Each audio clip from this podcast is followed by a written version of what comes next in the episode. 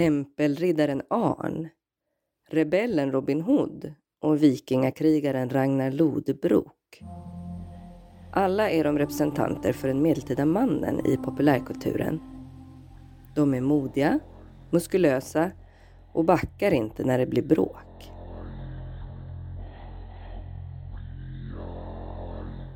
Diskussionen om hur en man egentligen ska vara och huruvida manligheten är hotad eller inte verkar ständigt pågå i vårt samhälle. Är det typiskt för vår tid?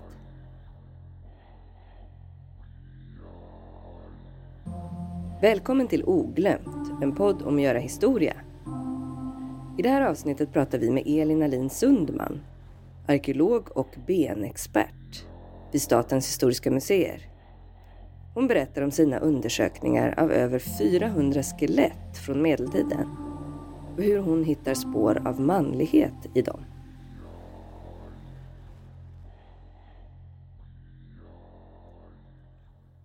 Medeltiden i Sverige börjar ungefär år 1050 och slutar i början av 1500-talet. Under medeltiden är människor i Sverige katoliker och det finns kloster på landsbygden och konvent i städerna dit folk kom som ville ägna sitt liv åt Gud. Eh, åtminstone de i Västerås, det är ju tiggarbröder så att de har inte liksom det här idealet att man ska isolera sig från samhället och bara ägna sig åt Gud utan de ska liksom verka ute i samhället för att undervisa om religion och de går ju också runt och tigger eftersom de ska vara fattiga och inte ha en massa egen egendom så att de har ett väldigt liksom socialt utåtriktad verksamhet där. Det här isländska klostret, där är det också ett, ett stort sjukhus så att dit söker sig verkligen folk som då inte direkt har något religiöst kall för att komma dit utan som vill ha ja, vård helt enkelt. Så att då, då blir det liksom en mycket större blandning av folk där och de som begravs sen i, i slutändan på de här platserna är det inte nödvändigtvis de som är medlem i någon religiös orden eller eh, lekbröder eller så där, utan det är även folk som har bott eh, i området. Eh, eller det kan ju vara folk som är liksom gäster där, de har, eh, man kan komma och liksom på besök, det kan vara lite av en liksom, eh, ja, men litet gästhus för resande pilgrimer eller så. Och eh, sen kan man ju köpa sig en plats där om man vill bli begravd där, man, utan att man nödvändigtvis har behövt vistas där medan man levde. Att, att det kan vara liksom ett ställe som anses lite bra att bli begravd på. Eh, och då kan det ju skilja lite i pris, vad, vad liksom som är mer exklusivt som att bli begravd. Om man kanske vill ligga inne i kyrkan eller högaltaret, eller om man kanske nöjer sig med liksom en budgetalternativ någonstans ute på kyrkogården. Eh, så att man kan tänka sig att det ändå blir någon slags social segregering lite mellan olika områden då där folk är eh, begravda. Eh, och antagligen, även om det kan vara svårt att direkt identifiera, så har ju de, de här bröderna eh, också som en liten avskild plats. Att, att liksom är man då i Västeråsfallet, det svenska konventet, så då är de dominikanbröder, de har ju antagligen haft en egen avskild del eh, som så här i efterhand är svår att identifiera. I kloster och konvent fanns olika verksamheter. Till exempel sjukvård och produktion av böcker och annat som behövdes inom kyrkan. Elin har undersökt skelett från två platser. Ett dominikanerkonvent i Västerås och ett augustinerkloster i Skriduklaustur på Island. Dominikaner och augustiner är två av de många religiösa ordnar med särskilda regler för medlemmarna som fanns under medeltiden. Bröderna eller munkarna på de två platserna förväntades leva enligt andra regler än män som levde utanför. De fick inte gifta sig, de fastade noggrant, fick inte dricka alkohol och inte slåss. Eh, och likaså på Island där det är ett augustinkloster där har de antagligen de som är begravda öster om kyrkan varit eh, de här augustinerbröderna. Och, eh, då, eh, men det ligger även andra begravda där så de kan också vara lite så svåra att skilja ut exakt vilka är det som har haft vilken liksom, position i livet. Vid klostren fanns också lekmän, alltså vanliga män som inte levde som munkar och som skötte mycket av arbetet. Bland skeletten har Elin också hittat spår av helt andra personer som inte bodde där. Till exempel resenärer, sjuka som vårdades i klostret eller frälse från trakten som valde att begravas där. Frälse kallas de människor som slipper, alltså har blivit frälsade från, att betala skatt till kungen mot att de ställde upp med riddare till kungens armé. Just det, om man tittar på själva skeletten, då, då är en sak som jag var lite intresserad av, det var ju skillnaden mellan olika grupper av män, snarare än, än att skilja just män och kvinnor, eller män och andra, eh, jag vet inte, barn eller något sånt. Eh, men att då är det ju väldigt olika regler beroende på om man är liksom en lekman eller om man tillhör eh, kyrkan. Att, eh, lekmän, där är det ju tillåtet att bruka våld i vissa situationer liksom, och vissa sammanhang. Eh, medan kyrkans män, de ska ju inte bära vapen, inte utgjuta blod eller delta i krig eller sådana saker. Så då tänkte jag, syns det då på skeletten om man, om man har några som man vet att men det här är liksom eh, augustinerkaniker och de här är Eh, de här är någon slags lekmanna, hög social status, kanske liksom man skulle kunna tänka sig riddare och liknande. Och om man tittar på, på skeletten så ser man dels ser man ju att det är en stor skillnad mellan de som eh, jag bedömt vara män och, eller de som har bedömt vara kvinnor utifrån liksom skelettets morfologi. Eh, att det är framförallt männen som har vapenrelaterade skador. Eh, och kvinnor är några enstaka exempel. Men sen så skiljer det sig också väldigt mycket mellan olika grupper av män då utifrån vilka områden de är begravda i, som man kan tänka sig då tillhör olika samhällsgrupper. Och, och det är eh, liksom, allra vanligast är det ju bland de som är begravda i ett område inne i kyrkan i Västerås, som man då kan tänka sig har kanske ganska dyra gravplatser, eh, och som då skulle kunna motsvara någon slags jag vet inte nödvändigtvis om de är frälse, men kanske i alla fall någorlunda välbärgade personer. Eh, medan de som då, eh, där i Västerås vet jag ju inte riktigt vilka som är Dominikanbröderna, men de på Island, där man har hittat de här kanikerna, där är det ju ingen som har vapenskador. De är ganska få dock, men, eh, men inte några bland lekbröderna heller. Så, att, så att det verkar ju ändå som att de här föreställningarna om hur hur det är manligt att bete sig påverkar det och att det då kan skilja sig mellan olika grupper av män. Att om en, eh, om liksom en dominikanbroder eller en präst eller sånt, de skulle börja bruka våld, då skulle det snarare betraktas som att de kanske saknar sin manliga självkontroll och liksom inte kan behärska sig när de vet att det är egentligen det de borde göra.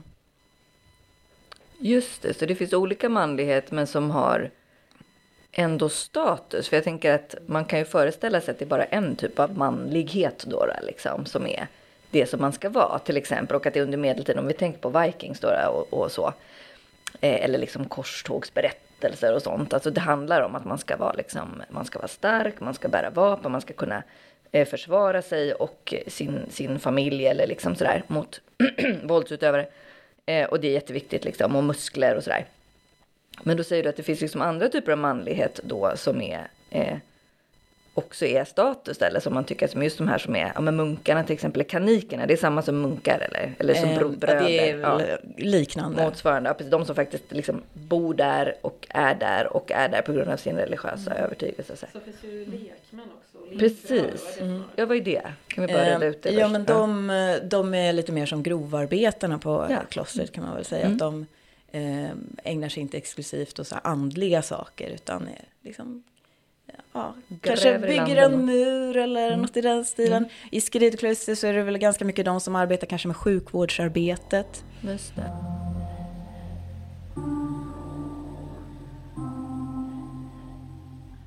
Det kan kännas typiskt för vår tid. Att det bara är just nu som inget är enkelt eller enhetligt. Att det i historien var annorlunda. Att det på medeltiden fanns någon slags ursprunglig manlighet som kan avslöja för oss hur män egentligen är eller bör vara. Men Elins forskning visar något annat. Medeltida manlighet var inte enhetlig eller naturlig. När man undersöker både medeltida skelett och skrivna källor är det tydligt att det fanns stor variationsrikedom både i hur män levde och vad som ansågs manligt i olika grupper och sammanhang. Och att manlighet diskuterades i den medeltida samtiden.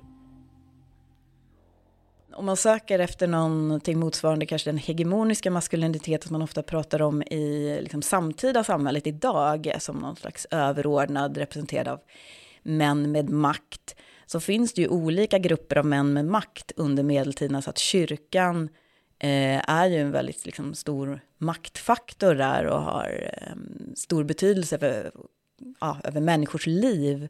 Så att det, det är ju som en slags alternativ eh, manlighet till det här mer riddaridealet eller, eller vikingaidealet som man, som man också ser. Eh, och det kan, jag tror att det kan bero rätt mycket på sammanhanget, vilket som är det som, som liksom har störst inflytande. Att när det gäller till exempel andliga frågor, då är det ju kyrkans män som, som eh, är de mäktigaste. När det eh, är frågan så här, hur ska man leva sitt liv i förhållande till, till Gud och till liksom, hur man gör med sådana här saker. Kanske till exempel om man ska fasta, det ser man ju att det gör ju även eh, lekmän och kvinnor. Att, det, eh, att visa, visa sig from, det blir ju viktigt, liksom, inte bara för de som är, eh, bor i något kloster eller präster, utan det är ju någonting som alla ska göra. Eh, medan när det gäller mer världsliga ting, ja, men då blir det ju eh, personer, kanske det världsliga frälset mer som är de som eh, sätter agendan för hur, hur man ska handla i sådana situationer och vad som är idealen och hur man ska bete sig. Men fasta, det är ju då att de liksom inte äter. Vad hade man för typ av fastetraditioner på medeltiden? De fastar ju ganska ofta och ganska mycket, men det är kanske inte riktigt så strängt som man tänker fasta nu för tiden. Då äter man kanske ingenting eller bara dricker eller så, men den här fastan är ju med att man avstår från vissa livsmedel. Um, åtminstone kött från fyrfota djur, men det kan även vara lite strängare fasta, att man kanske um, liksom, ja, äter bara väldigt lite och, och bara lite sådär lite grönsaker eller så. Men, men i vissa fall kan ju fasta vara att man kan äta fisk och man kan äta ägg och smör och sådana saker. Det beror lite på liksom hur strängt det är. Och eh, det, här, det här gör man ganska många dagar av året. Vi har ju fastan vid påsk, liksom den här långa fastan. Men sen så är det även liksom varje vecka så är det vissa dagar som man ska fasta. Eh, och eh, det här är ju någonting då som inte bara eh, kyrkans folk ska göra, utan det ska alla göra.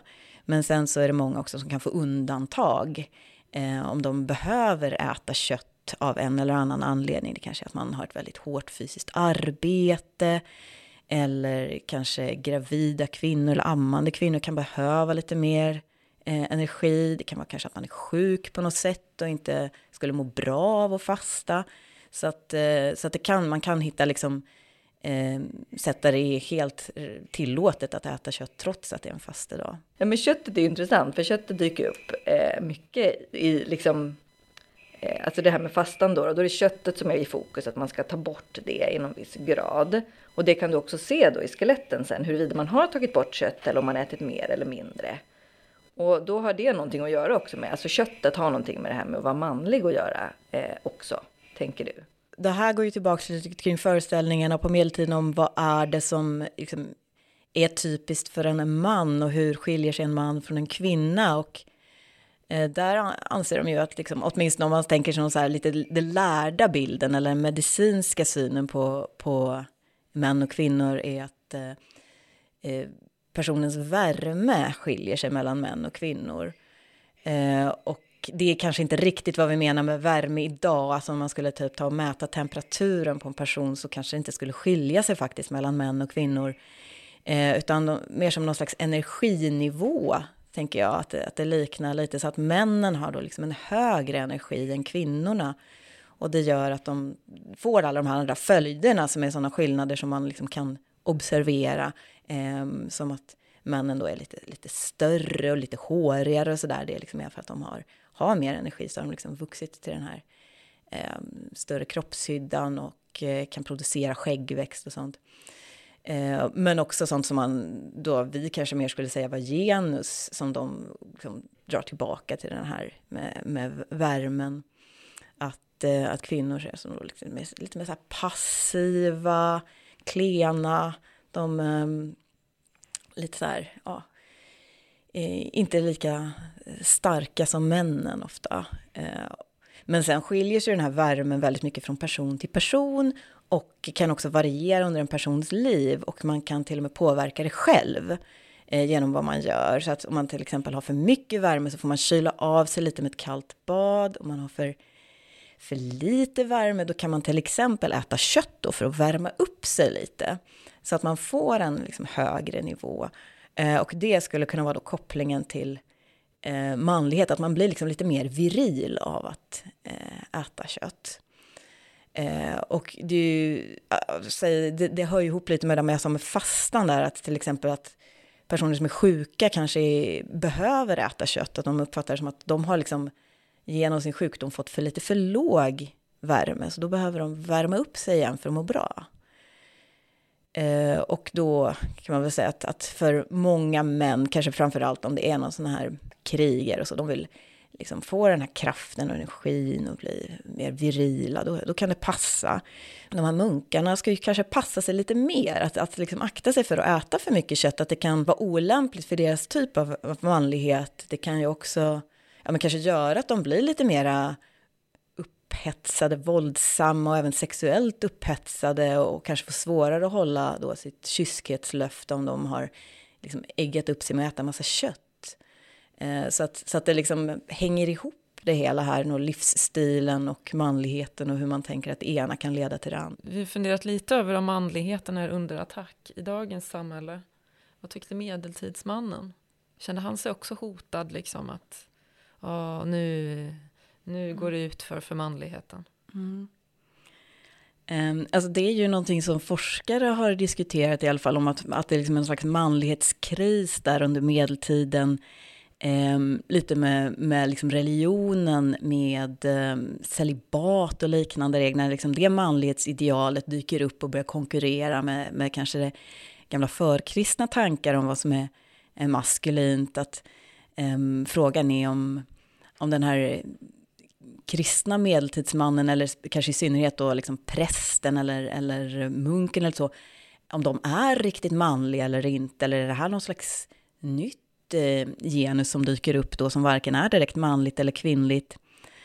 Eh, jag tror att de själva uppfattade det som att det faktiskt var manligt, men att det var liksom en annorlunda manlighet. Eh, och sen så kanske man kunde diskutera lite sinsemellan vilken som var den bästa manligheten och den överordnade manligheten. Och Um, kyrkan försökte ju lansera det här som att det här var liksom en förbättring, att det här var liksom um, nu, nu kan vi stiga över de här lite lägre formerna av manlighet och vi behöver liksom inte kontrolleras av köttet längre och vi är liksom lite mer närmare änglarna. Um, men, men det var ju inte alla som riktigt höll med om det här heller och man kan ju se, uh, även om jag sa där att till exempel de här eh, kanikerna som jag tittar på, de har inga vapenskador. Men, men det förekommer ju i andra fall och även många litterära källor som berättar om hur de liksom bryter mot de här olika reglerna om eh, kyskhet och fattigdom och att man ska liksom inte bruka våld, utan det händer ju såklart. Och om det är för att de vill känna sig mer manliga eller andra skäl, det kan ju säkert variera från fall till fall, men, men det fanns säkert en viss press, i synnerhet om man tänker sig sockenpräster som liksom inte lever i ett litet samhälle av bara likasinnade, eh, liksom press eh, av andra män i det här bysamhället att att agera manligt mer likt dem, att liksom hänga med ut och, och dricka och spela och jaga och sådana saker som, som kanske andra män då ägnade sig åt. Just det, så de, precis, det är jätteintressant, men då kan man verkligen kanske hävda då att manligheten var i kris under medeltiden. Alltså, man både hade de här olika manligheterna som man försökte kombinera ihop, men också att man var ganska upptagen av att så här, kalla varandra för omanlig eh, och liksom fundera på de här grejerna. För det tänker man sig kanske inte. Om man tittar bak på historien så kan man ofta i vår tid eh, vissa av oss i alla fall tänka att ja, men det var väl enklare då eller det var väl mer liksom rättframt eller självklart eller det fanns inte så många olika sätt att vara man eller kvinna utan det var, alltså man vill tillbaka kanske till det här enkla men i själva verket så även på medeltiden för tusen år sedan nästan så var det inte så jädra enkelt utan de höll också på att kasta eh, liksom skit på varann och Ja, men man, kan, man kan tänka sig att det finns liksom som olika subkulturer, eller vad man ska kalla dem, eh, även liksom genom historien och förhistorien också. Att vad som betraktas som manlig, manligt kan skilja sig väldigt mycket mellan olika grupper och var man befinner sig, liksom vilka män det är man har omkring sig. Att, att det kanske är väldigt gångbart med en viss typ av manlighet i ett visst sammanhang, men inte i ett annat. Um, sen liksom idag med, med liksom sociala medier och den här eh, kommunikationen som inte finns då, så, så blir det ju, då får man ju mycket mer se vad som pågår inne i de här små bubblorna. Um, på, på, liksom satt man där på ett medeltida kloster, då var det ju kanske liksom lite mera lättare att bara odla sin manlighet där och vara nöjd med den och inte någon behövde bli arg på det på samma sätt, tänker jag mig. Men, men ja, som du sa, att det, det kunde nog komma konflikter om vad som var mest manligt även då.